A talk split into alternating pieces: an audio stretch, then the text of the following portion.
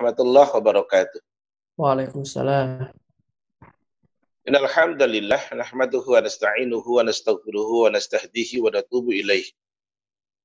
Wa na'udzu billahi min syururi anfusina wa sayyiati a'malina. May yahdihillahu fala mudhillalah wa may yudlil fala hadiyalah.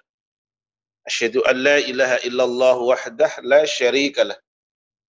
syarika lah. Wa asyhadu anna Muhammadan abduhu wa rasuluhu sallallahu alaihi wasallam wa ala alihi wa ashabihi ajma'in wa man tabi'ahum bi ihsan ila yaumiddin. Ya ayyuhalladzina amanu taqullah wa qulu qawlan sadida yuslih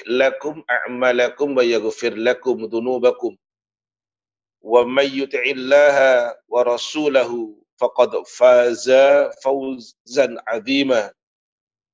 Amma ba'd. Sahabat Masjid Nurul Amal para tamu Allah rahimani wa rahimakumullah para jamaah di mana pun antum berada rahimani wa rahimakumullah tentu awal dari segalanya kita menyampaikan ujian sanjungan untuk Allah Jalla wa'ala semata yang mempertemukan kita walaupun lewat online perlu kita syukuri masih bisa melakukan kajian taklim kita ucapkan alhamdulillahilladzi bi ni'matihi tatimus salihat segala puji untuk Allah dat yang dengan nikmatnya kebaikan-kebaikan menjadi sempurna.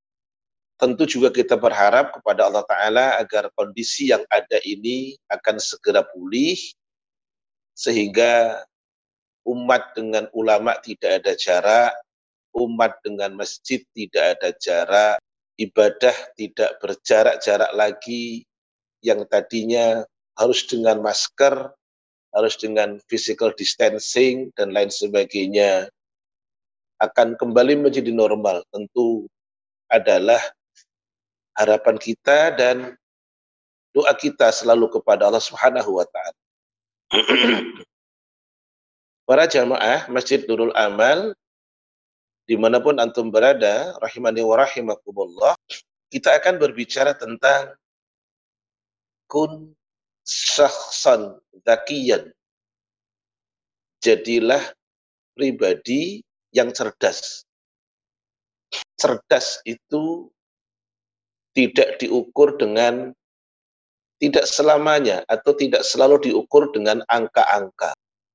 Cerdas itu tidak juga harus diukur dengan nilai-nilai, tetapi bisa juga kecerdasan itu diukur dengan seberapa benar memahami sesuatu dan mengamalkan sesuatu itu dengan benar. Oleh karena itu, ayat yang akan Anda sampaikan pada pagi ini dalam mengantarkan kita menjadi pribadi yang cerdas. Dakiyu. Dalam rangka menjadi pribadi yang cerdas, ayat yang pertama adalah Al-Quran surat 67. surat Al-Mulk di ayat yang kedua. Allah Ta'ala sampaikan, rajim. Alladhi khalaqal mauta wal hayata liyabluwakum ayyukum ahsanu amala wa huwal azizul ghafur. Arti ayat tersebut adalah dia zat yang menciptakan kematian dan kehidupan untuk menguji di antara kalian siapa di antara kalian yang paling baik amalnya. Antum para tamu Allah, sahabat Nurul Amal, tengok ada kalimat liyabluwakum ayyukum ahsanu amala. Untuk menguji kamu, siapa di antara kamu yang paling baik amalnya. Wahuwal azizul ghafur.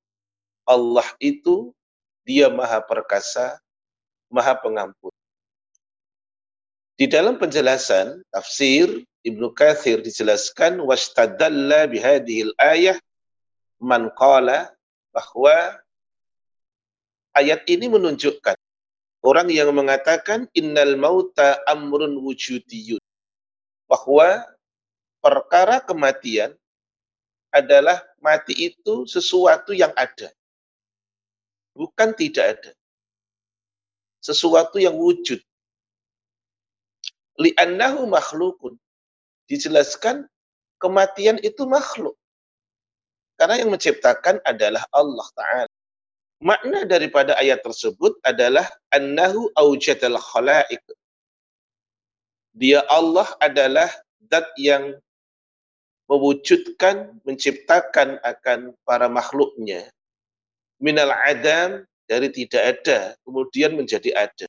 Tujuan itu semuanya adalah liyabluwahum wa yakhtabirahum ayyuhum ahsanu amalan Tujuan itu semuanya adalah untuk menguji manusia, untuk memberikan ikhtibar, ujian kepada manusia siapa di antara mereka manusia yang paling baik amal. Paling baik amal. Kata paling baik. Mari kita fahami, bukan dengan mengatakan paling banyak. Paling baik. Ahsanu amal. Seorang tabi'in, beliau bernama Fudail bin Iyad rahimahullahu taala ketika menjelaskan kata paling baik amal beliau mengatakan innal amala idza kana khalisan wa lam yakun sawaban lam yuqbal sesungguhnya amal manakala ikhlas ketika mengerjakan tetapi tidak benar atau belum benar, maka amalan tersebut tidak diterima. Ikhlas tetapi tidak benar atau belum benar. Wa idza kana sawaban wa yakun khalisan lam yuqbal.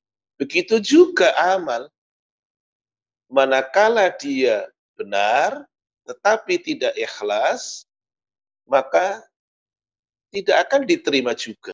Dijelaskan oleh Fudail bin Iyad rahimahullah ta'ala hatta yakuna khalisan wa sawaban. Hingga keberadaan amal itu mesti ikhlas dan benar. Apa itu ikhlas? Ikhlas itu adalah idza kana al-amalu lillahi azza wa jalla. Ikhlas itu manakala amal dikerjakan semata-mata karena Allah Azza wa Jalla semata, bukan kepada yang lain. Sebagaimana firman Allah Ta'ala yang insya Allah kita hafal dalam surat yang ke-98 di ayat yang kelima. A'udzu billahi minasyaitonir rajim. Wa ma umiru illa liya'budullaha mukhlishina lahu. Ini dalilnya. Padahal mereka tidak diperintah untuk melaksanakan ibadah kecuali dengan memurnikan ketaatan beragama kepada. Jadi ada kata mukhlis, ada kata ikhlas. Kemudian tidak sekedar ikhlas para tamu Allah. Sahabat Nurul Amal, jamaah rahimani wa rahimakumullah tetapi juga benar, as-sawab. Benar itu diukur dengan mencontoh al-mutaba'ah.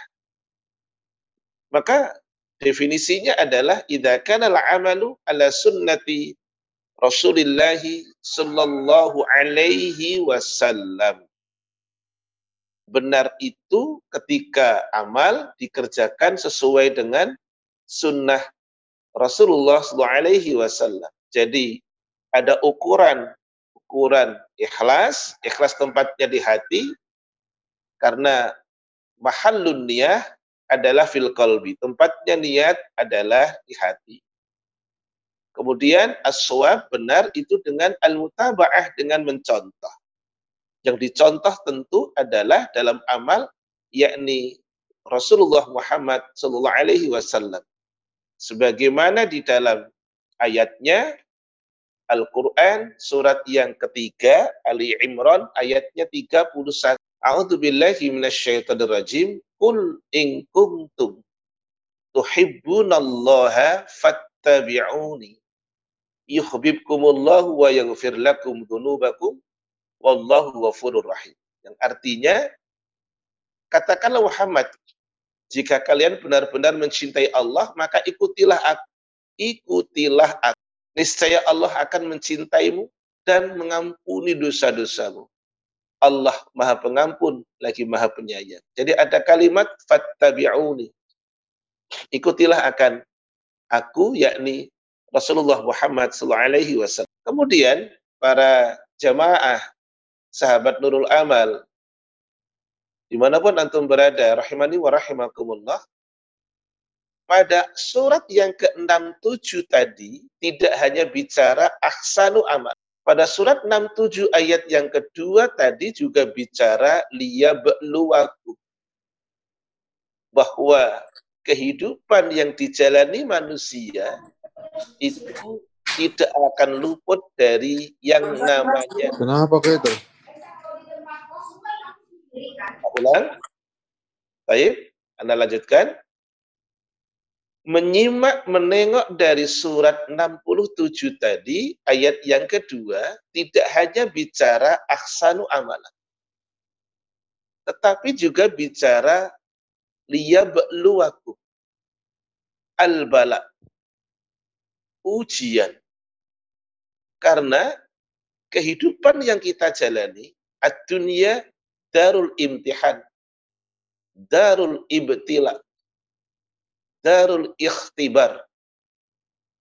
Dunia ini adalah negeri ujian. Negeri di mana manusia, seseorang, masyarakat akan mendapatkan ujian dari Allah Ta'ala.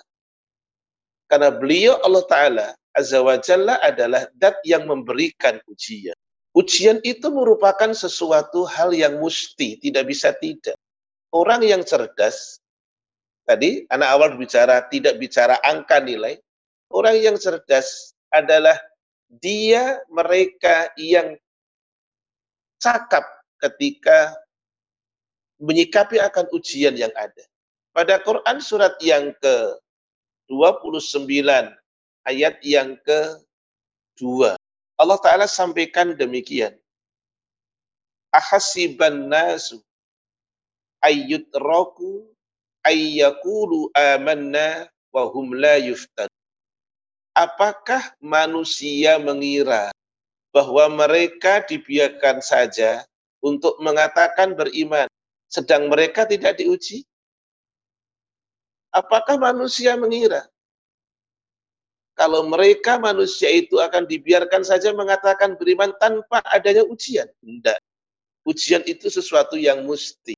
Karena di dalam makna hadhil ayah, makna dari ayat ini adalah annallaha ta'ala la budda ayyabtaliya ibadahul mu'minin bihasbi ma'indahum minal iman. Pahami akan penjelasan ini para sahabat Nurul Amal, para tamu Allah, jamaah di mana pun antum berada.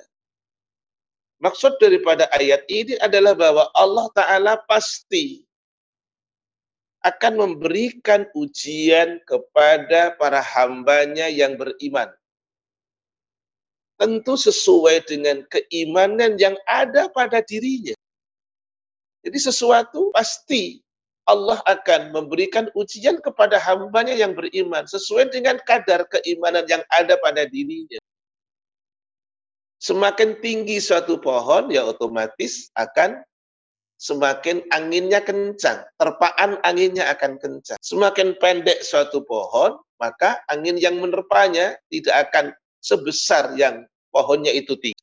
Semakin soleh seseorang, semakin tawaduknya seseorang, semakin akhlaknya baik seseorang, semakin dermanya seseorang. Baik, kama ja'a fil hadis. Sebagaimana di dalam hadis para jamaah. Nurul amal rahimani wa rahimakumullah. Asyaddun nasi bala'an al anbiya Rasulullah SAW sampaikan hadis yang sanadnya dari Abu Hurairah semoga Allah meridhoinya. Manusia terberat ujiannya adalah mereka para nabi dan rasul. Jadi bukan parameter kita, bukan ukuran kita. Asyaddun nasi bala'an al-anbiya. Manusia yang terberat ujiannya, paling berat ujiannya adalah mereka para nabi dan rasul. Baik secara kualitas maupun kuantitas. Solihun. Kemudian orang-orang yang soleh. Summal amthal fal amthal. Kemudian yang yang sepadan dan yang sepadan. Kemudian kata Rasulullah, yubtalar rajulu ala hasbi dini. Seseorang itu diuji menurut kadar agamanya. Menurut ukuran agamanya. Fa in kana fi dinihi solabatun zida fil balad. Jika agamanya benar, jika dia semakin soleh, jika, jika dia semakin tawadu, dia jika dia semakin baik, zida fil bala akan ditambah ujian oleh Allah Ta'ala. Jadi sekarang tidak perlu mengeluh. Tinggal bagaimana kita menyikapi ujian yang ada. Bukan mengeluh, menyikapi ujian. Bukan menghindar, tetapi menyikapi ujian. Karena Allah sang pemberi ujian. Dan ujian itu waktunya tidak lama. Tidak ada ujian yang lama. Hanya orang-orang yang tidak siap, yang tidak cerdas, yang akan mengatakan ini lama. Yang lama nanti di akhirat. Dunia itu darul imtihan, negerinya ujian. Begitu juga dalam satu ayat para tamu Allah, sahabat Nurul Amal, jamaah rahimani wa rahimakumullah. Sebagaimana dalam ayat Al-Quran di surat yang ketiga, ayatnya 142. Surat Ali Imran. Am hasibtum. A'udhu billahi minasyaitanir rajim. Am hasibtum. An tadkhulul jannata walamma ya'lamillahu alladhina jahadu minkum wa ya'lamas sabirin. Apakah kalian mengira bahwa kalian akan masuk surga. Padahal belum nyata bagi Allah orang-orang yang berjihad di antara kalian dan orang-orang yang sama. Ini ada kata kunci nih sekarang. Ataukah kalian mengira kalau kalian akan masuk surga? Sementara belum nyata bagi Allah. Hambanya yang berjihad. Dan hambanya yang sama. Ini yang yang perlu kita faham. Kemudian para jamaah, para tamu Allah, sahabat Nurul Amal rahimani wa rahimakumullah. Kita lihat sekarang, apa yang mesti kita sabari? Tadi dikatakan wa ya'lamas sabirin. Belum nyata bagi Allah siapa yang berjihad dan siapa yang sabar. Ada kata kunci sekarang, sabar menyikapi yang ada, ujian yang ada. Pada Quran surat yang ke 21 ayat yang ke-35. Sebelum Anda bacakan, Anda ingin menjelaskan dulu tentang sabar. Sabar itu adalah secara bahasa maknanya habsun nafsi. Menahan diri. Menahan diri dalam tiga hal. Yaitu untuk selalu taat. Yang kedua, menahan diri dari melakukan maksiat, menghindarinya. Kemudian yang ketiga adalah menerima sabar atas as-sabru ala aqdarillahi al-muallimah. Sabar atas takdir-takdir Allah yang tidak mengenakkan. Sabar dalam ketaatan, sabar dalam maksiat, dan sabar atas takdir-takdir Allah yang tidak mengenakkan. Pada Quran surat yang ke-21 di ayat yang ke-35 Allah taala sampaikan kullu nafsin maut. Setiap jiwa itu akan merasakan kematian. Mari kita tengok sekarang. Wa nabluukum bisyarri wal khairi fitnah wa ilaina turja'un. Kami akan menguji kamu. Kami akan menguji kamu. Jadi ujian itu bukan hanya sudah, tapi akan istimror terus-menerus. Bentuknya mustakbal. Sampai kapan pun selama masih ada kehidupan. Dengan apa? Bisyarri wal khairi. Dengan keburukan, kebaikan. Jadi mari sekarang kita sikapi, pahami, biar cerdas. Ujian tidak selamanya buruk. Tapi ada juga format ujian bentuknya sesuatu yang baik. Hukum bisyarri wal khairi fitnah. Kami akan uji kamu dengan keburukan dan kebaikan. Dan kepada kami kalian dikembalikan. Di dalam penjelasannya cantik para tamu Allah, sahabat Nurul Amal, jamaah, rahimani wa rahimakumullah, Inilah penjelasannya. Terkadang kami kata Allah, terkadang kami itu menguji kamu dengan musibah-musibah. Rasa takut. COVID-19 yang sampai sekarang belum selesai. Bahkan para pakar siapa pun belum tahu kapan akan ini berakhir. Kalau kita mengacu pada Al-Quran, surat Al-Baqarah 15. Itu macam-macam ujian. Ada rasa takut, lapar, kehilangan harta, kehilangan jiwa orang-orang yang kita cintai, dan lain sebagainya. Ya. Wanablukum bisyarri wal khairi fitnah. Kami akan menguji kamu. Tadi dijelaskan, nahtabirukum bil masaibi taratan kami akan terkadang kami kami ukhra. Dan terkadang kami menguji kamu dengan kenikmatan. Sesuatu yang enak sesuatu yang menyenangkan. Tetapi kata Allah dalam penjelasannya linan dura mayyashkuru wa mayyakfur supaya kami tahu. Supaya kami melihat siapa hamba yang bersyukur. Fur Allah ingin tahu linandzura may yashkuru wa may yakfur.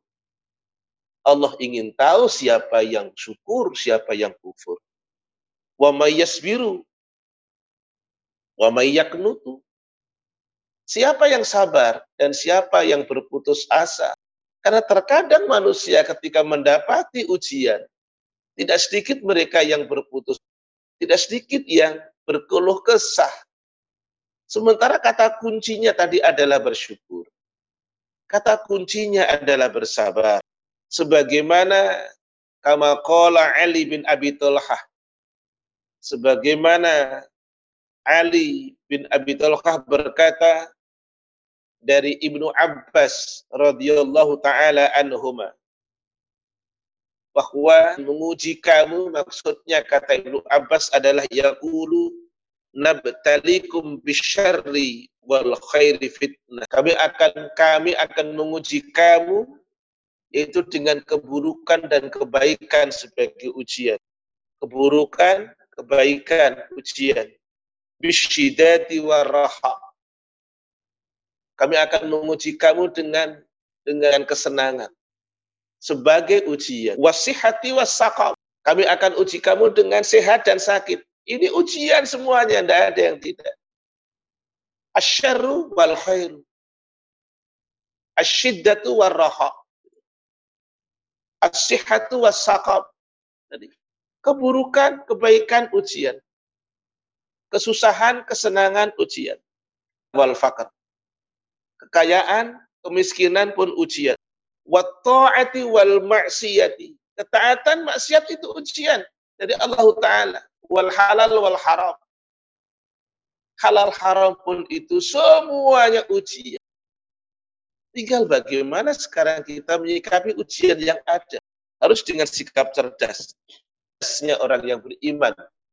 Sahabat Nurul Amal, para tamu Allah, jamaah, di mana pun antum berada. Rahimani wa rahimakumullah. Hadis yang dari Abu Yahya Suhaib bin Sinan anak ulan namanya Abu Yahya Suhaib bin Sinan radhiyallahu an. Hadis ini dikeluarkan oleh Al-Imam Muslim rahimahullah ta'ala. Ini ditempatkan di dalam penjelasan tentang kitab sabar. Tentang bab sabar. Rasulullah SAW sampaikan demikian. Ajaban li amril mu'mini. Mengagumkan perkara orang yang mukmin. Jadi orang Rasul Rasul kagum dengan perkara orang yang beriman, dengan perkara yang disihir. Sungguh semua perkaranya anak ulang sungguh semua perkaranya dipandang baik. Sungguh semua perkaranya dipandang baik. Walaisa dzalika li ahadin illa lil mu'min. Tidak ada sikap yang demikian kecuali orang beriman saja. In asabaduhu jika kebaikan itu menimpanya, maka dia bersyukur. Alhamdulillah Alhamdulillahilladzi bi ni'matihi tatimus salihat. Tapi wa in asabathu dharra'u sabara. Fakana khairan. Jika dia mendapati sesuatu yang tidak mengenakkan, dia bersabar. Dia kembalikan kepada Allah, dia dekat kepada Allah. Dia beristi'anah kepada Allah. Dia minta kepada Allah. Dan sabar itu terbaik untuk. Apalagi kalau kita mengacu kepada Al-Quran surat yang ini. Al-Quran surat yang ke-6 ayatnya 17. Pada surat yang ke-6 ayatnya 17. Ada sebuah ayat yang berbunyi. Ini solvingnya ini. Tadi pertama mukmin itu Rasul kagum dengan sikapnya orang beriman ketika menyikapi keadaan yang ada. Bersyukur dan sabar. Kemudian dalam Quran surat yang ke-6 ayatnya 17. Wa iyam saskallahu bidurrin fala kashifalahu illa huwa. Anak ulang. Wa iyam saskallahu bidurrin fala kashifalahu illa huwa. Jika Allah menimpakan kepada engkau Muhammad akan keburukan. Ya, Rasulullah Muhammad SAW jika Allah menimpakan kepada engkau maut akan keburukan, fala kashifalahu illahu. Tidak ada yang bisa menyingkapnya. Tidak ada yang bisa menghilangkan. Tidak ada yang bisa itu menguraikannya. Kecuali dia Allah Ta'ala. Jelas sekali. Makanya pantaslah kiranya, itu jamaah bisa lihat di dalam hadis Arba'in nomor 19, pantaslah kiranya Rasulullah Muhammad SAW memberikan arti, yakni Ibnu Abbas radhiyallahu anhu. Ibnu Abbas cerita, satu hari aku di belakang Nabi, dibonceng. Kemudian Nabi mengajarkan kepada beliaunya dengan mengatakan, Inni u'allimu kabi kalimatin. Aku ingin ajarkan kamu beberapa kalimat. Kata Rasulullah SAW kepada Ibnu Abbas, Ikhfadillah yafadka. Jaga Allah, Allah akan menjaga. Tajiduhu tujahaka jaga Allah, maka kamu akan mendapati Allah di hadapan kamu. Ini ini ini stressingnya nih. Ida sa'alta fas'alillah. Kalau engkau minta minta kepada Allah. Wa idza sta'anta fasta'in billah. Kalau engkau minta tolong, minta tolonglah kepada Allah. Hadis man oleh Al-Imam An-Nawawi dan Al-Imam Al-Haytami rahimahullah taala. Beliau mengatakan, "Idza talabta al-i'anah ala amrin min umuri dunia wal akhirah fasta'in billah. Kalau engkau mencari pertolongan, kalau engkau mencari pertolongan untuk perkara dunia akhirat, maka minta tolong. La siyama fil umuri allati la yakdiru alaiha ghairullah. Apalagi untuk perkara-perkara yang tidak ada seorang pun yang mampu selain Allah Ta'ala semata. Minta kepada Allah. Baik. Hidayah. Wahir Contohnya apa itu? Sembuh dari penyakit. Seperti sekarang ini. Mencari rizki. Berharap petunjuk. Adalah itu wilayahnya Allah Ta'ala semata. Ista'in billah. Minta tolonglah kepada Allah. Pada Al-Quran, surat yang kedua ayat 153, Allah Ta'ala sampaikan, Ya ayyuhalladzina amanu. Anak ulang, ya ayyuhalladzina amanu ista'inu bis sabri was salah. Innallaha ma'as Wahai orang-orang yang beriman, minta tolonglah kalian dengan sabar dan sholat. Dengan diri, sholat itu amaliyah. Innallaha ma'as sabirin. Allah itu bersama dengan orang-orang yang sabar. Di dalam ayat ini, tafsirnya menjelaskan bahwa hadhil ayatu al-irsyadu ilal isti'anati bisabri wassalah. Ayat ini memberikan petunjuk yaitu supaya minta tolong kepada Allah. Fa innal abda imma ayyakuna fi nikmatin fayashkuru alaihi seorang hamba ada kalanya dia. Baik nanti pertanyaan pertanyaan bisa disampaikan uh, lewat nanti minta tolong untuk ditanyakan lewat lewat pertanyaan lewat tanya saja. Kalau lewat tulisan ini nggak kebaca ini Ustaz Jamal. Baik. Nah lanjutkan. Ya, baik Ustaz, untuk tulisan nggak apa-apa nanti sama Ana dibacakan. Bisa ada taib. orang yang mau. Ya. Taib, taib. Lanjut Ustaz, Ustaz, silakan. Baik, fa innal abda fa innal abda imma ayakuna fi alaiha. Hamba itu ada kalanya dia mendapatkan kenikmatan. Maka dia bersyukur atas kenikmatan itu au fi naqamah fayasbiru 'alaiha. Atau seorang hamba ada kalanya dia mendapatkan sesuatu yang tidak mengenakan. Maka dia sabar atas sesuatu yang tidak mengenakan tersebut. Ini kunci, ini miftah. Bagaimana sabar, bagaimana bersyukur, sabar ketika mendapati sesuatu, bersyukur atas sesuatu yang mengenakan arroha, yang menyenangkan. Ini yang perlu yang perlu disikapi. Oleh karena itu, pada Al-Quran, surat 39, di ayat yang ke-10, surat yang ke-39, Az-Zumar, ayat yang ke-10, di ujungnya, menjelang tengah menjelang akhir, itu ada harful hasri, huruf pembatas. Allah Ta'ala dengan mengatakan, Innama yuwafas sabiruna ajrahum bighairi hisab. Bahwasanya hanya orang-orang yang sabar. Yang pahalanya disempurnakan tanpa batas. Jadi inilah tamu Allah jamaah Masjid Nurul Amal, sahabat Masjid Nurul Amal rahimani wa rahimakumullah. Yang tadi Anda sampaikan, minta tolong kepada Allah iya, tetapi dengan menyikapinya adalah dengan sabar dan dengan sholat. Ini saja yang Anda sampaikan. Mudah-mudahan besar manfaatnya. Silakan kalau ada waktu Anda tambahkan lagi. Pak Fadl. Halo Ustaz Jamal. Halo Ustaz Jamal. Baik Ustaz. Uh, ini ada beberapa pertanyaan dari jamaah Ustaz. Naim. Assalamualaikum Ustaz. Bagaimana bisa diketahui Bagaimana bisa diketahui kalau musibah itu hukuman atau ujian untuk meningkatkan derajatnya? Jazakallah. Baik.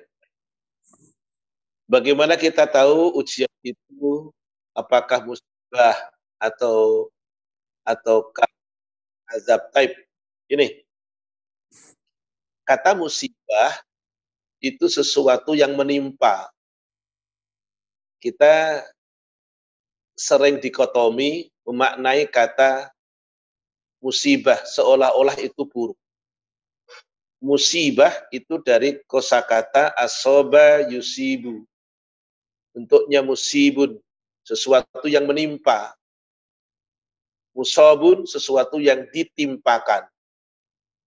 Sesuatu yang Allah Ta'ala timpakan, itu Allah sang pemberi ujian, pemberi musibah, musibah itu tidak selamanya itu adalah sesuatu yang buruk. Apakah itu azab ataukah ujian? Untuk orang yang beriman, anak ulang, untuk orang yang beriman, itu adalah kita mengacu kepada Al-Quran Surat Al-Baqarah ayat 155, 156, 157 bahwa Orang yang beriman menyikapi apa yang ada. Dan Allah Ta'ala berikan kepadanya, itu adalah merupakan ujian atau musibah kepadanya. Berbeda dengan yang diberikan oleh Allah Ta'ala kepada mereka orang-orang yang tidak beriman. Apa itu? Berupa siksa. Tidak hanya nanti, bahkan di dunia. Bisa kita lihat di dalam Al-Quran surat 29 ayatnya 40. Fakullan akhadnahu bidanbi. Masing-masing kami siksa akibat dosa.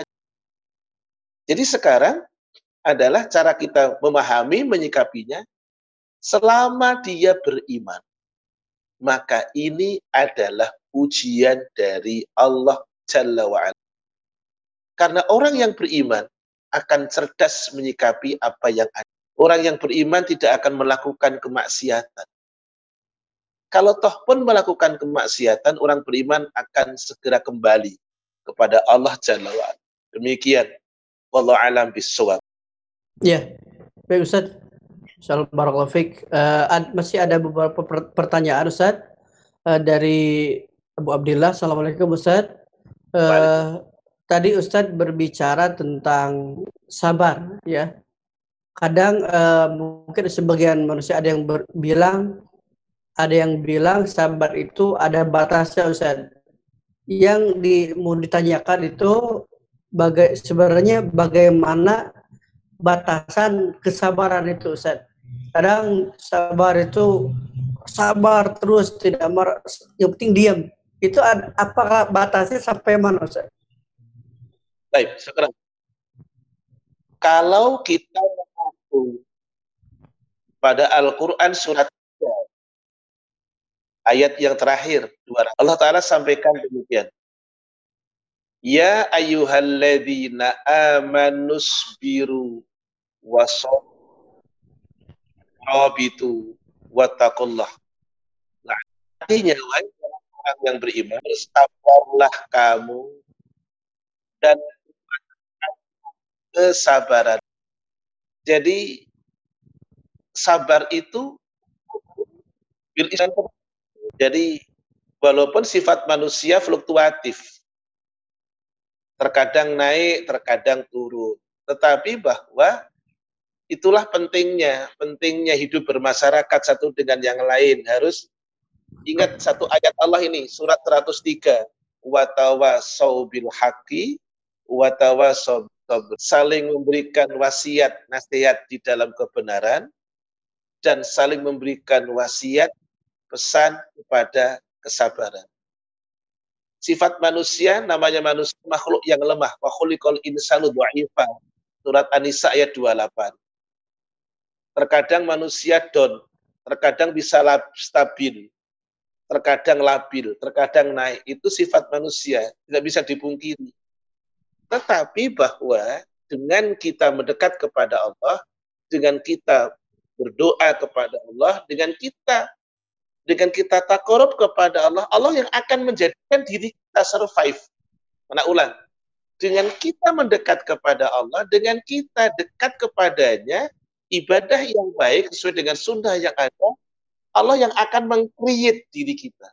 Allah yang akan menjadikan diri kita menjadi orang yang survive selain satu sama lain saling memberikan wasiat di dalam kebenaran dan kesabaran. Ingat pesan Luqman kepada anaknya.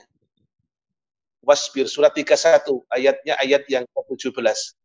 Wasbir alama asabak. Wasbir alama asabak. Bersabarlah atas apa yang menimpa kepada diri. Demikian Ustaz Jamal. Allah alam bisawab. Ya, Baik, uh, Ustaz Barakallahu Fik, uh, kami persilakan kepada jamaah sekalian yang mau bertanya langsung kepada Ustaz, silakan masih ada waktu uh, untuk sesi tanya jawab. Ya, baik Ustaz, uh, sambil menunggu jamaah kalau ada yang bertanya, masih ada pertanyaan Ustaz melalui chat uh, dari Nanda Anggra ini. Uh, Ustaz, uh, apa bedanya antara ujian dan cobaan Ustaz? Apakah ada perbedaan dari kedua itu atau tidak Ustaz? Terima kasih Ustaz. Baik. Sekarang, Ujian Apakah ada dan cobaan. Ya. Perbedaan antara ujian dan cobaan. Ini kayaknya ini pertanyaan. Anda belum bisa menjawab ini. Apakah ada bedanya? Kayaknya nggak ada bedanya Ustaz Jamal antara ujian. Karena ulama mengatakan ad-dunya darul imtihan, darul ikhtibar, darul ibtila, darul musibah gitu ya. Baik, kayaknya ana ana jawab insya Allah kayaknya nggak ada bedanya. Iya. Mungkin bisa dengan yang lain. Baik Ustaz. Ya baik Ustaz. Uh, pertanyaan berikutnya Ustaz. Mm. Apakah uh, oh iya baik uh, kami persilakan bagi jamaah sekalian yang mau bertanya langsung kepada Ustadz bisa langsung atau bisa melalui chat. Silakan jamaah sekalian. Masih ada waktu kurang lebih lima uh, menit insya Allah. Kalau nggak ada, satu ada, lagi ada Ustaz. Eh? Oh iya, silakan Ustaz. Enggak apa-apa. Silakan. Ada tambahan. Ya. Ada tambahan begini para jamaah. Yaqulu Asy-Syaikh Abdul Qadir Jilani fi Fathir Rabbani.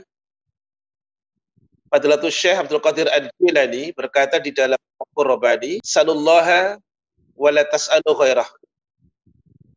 Mintalah kalian kepada Allah, jangan minta kalian kepada yang lain. Jangan minta kepada selain Allah. Ista'inu billah wala tasta'inu bi ghairi. Minta tolonglah kalian kepada Allah. Jangan minta tolong kepada selain Allah. Waihaka bi ghadan. Dengan apa celaka engkau? Celaka waihaka bi ghadan. Celaka engkau. Dengan wajah apa engkau kelak menghadap kepada Allah? Kalau sekarang engkau itu minta tolong kepada selain Allah wa anta tunazi'uhu fid dunya. Kamu menentang di dunia kepada Allah. Mukbirun ala khalqih. Engkau menghadap kepada makhluknya. Musyrikun bih. Engkau menyekutukan Allah. Kemudian, irfa'ul wasa'id bainakum wa bainallah. Singkirkan, angkatlah oleh kalian. Perantara-perantara antara diri kamu dengan Allah. Ini yang disampaikan oleh beliau Fadilatul Syekh Abdul Qadir Jilani dalam kitab Fathur Rabban. Kemudian disampaikan ista'inu billah bisabri wassalam. Minta tolonglah kalian kepada Allah dengan sabar dan salat. Demikian Ustaz Jamal yang Anda sampaikan. Mudah-mudahan besar manfaatnya.